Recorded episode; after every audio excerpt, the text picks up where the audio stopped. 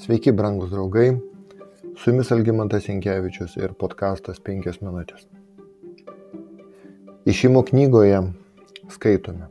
Tai buvo užbaigti visi susitikimo palapinės padangtės darbai. Izraelitai visą padarė, kaip viešpats buvo Mozijai sakęs. Tada jie atnešė padangtę su palapinė ir visais reikmenimis pas Mozį.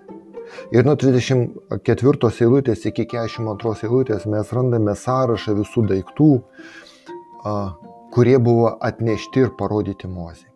Ir 42 eilutėje toliau skaitome, kaip viešpas buvo įsakęs Mozijai, taip izraelitai buvo atlikę visus darbus. Pamatęs, kad visą jie buvo padarę, kaip viešpats buvo įsakęs, Mozė palaimino juos.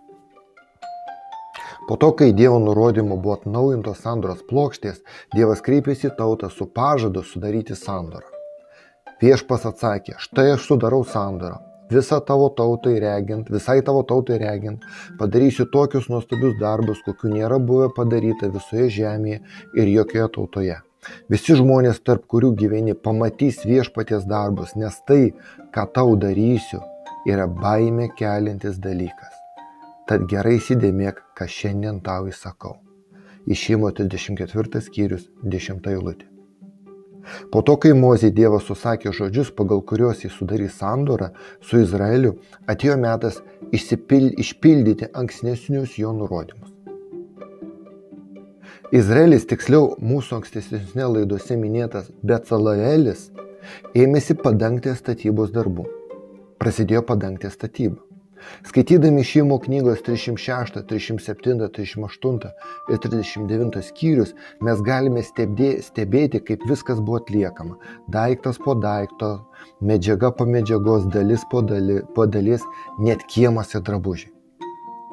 Kai padangtės statybos darbas buvo baigtas, Mozė apžiūrėjo ir įvertino visą statybininkų darbą, palygindamas jų pavyzdžių parodytų arba matytų kalnę, ir nurodymais, kuriuos jis gavo iš Dievo. Kaip viešpats įsakė, taip jie ir padarė. Tada Mozė juos palaimino.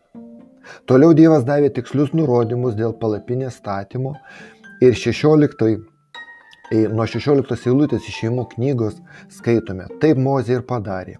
Kaip viešpats jam buvo įsakęs, taip jis ir padarė. Taigi antrųjų metų pirmo mėnesio pirmą dieną buvo pastatyta padangti.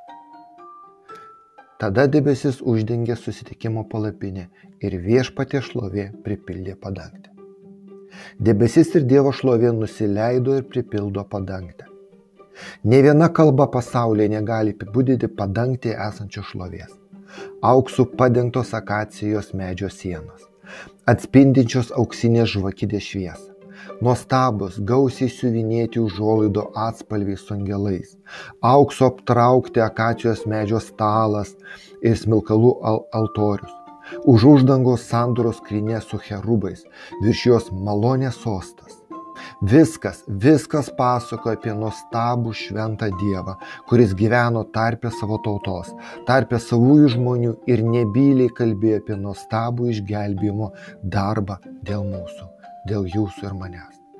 Brangus draugai, šitą nuostabų, bet trumpą pasakojimą norėčiau užbaigti ištrauką iš Naujojo testamento, apreiškimo 21 skyriaus nuo pirmos eilutės. Štai aš įgėjau naują dangų ir naują žemę, nes pirmasis dangus ir pirmoji žemė išnyko ir jūros taip pat nebeliko. Ir aš išvydau šventąjį miestą, naują Jeruzalę, nužengė čia iš dangaus nuo Dievo. Ji buvo papuošta kaip nuotaka savo sužadėtiniu ir išgirdau galingą balsą skambantį nuo sosto štai dievo padangtė tarp žmonių. Jis apsigyvens pas juos ir jie bus jo tauta o pats dievas bus su jais. Jis nušluostys kiekvieną ašarą nuo jų akių ir nebebus mirties nebebus liūdėsio nei aimanos nei sielvarto nes kas buvo pirmiau tas praėjo. Su jumis buvo penkios minutės ir algimantas Pinkevičius.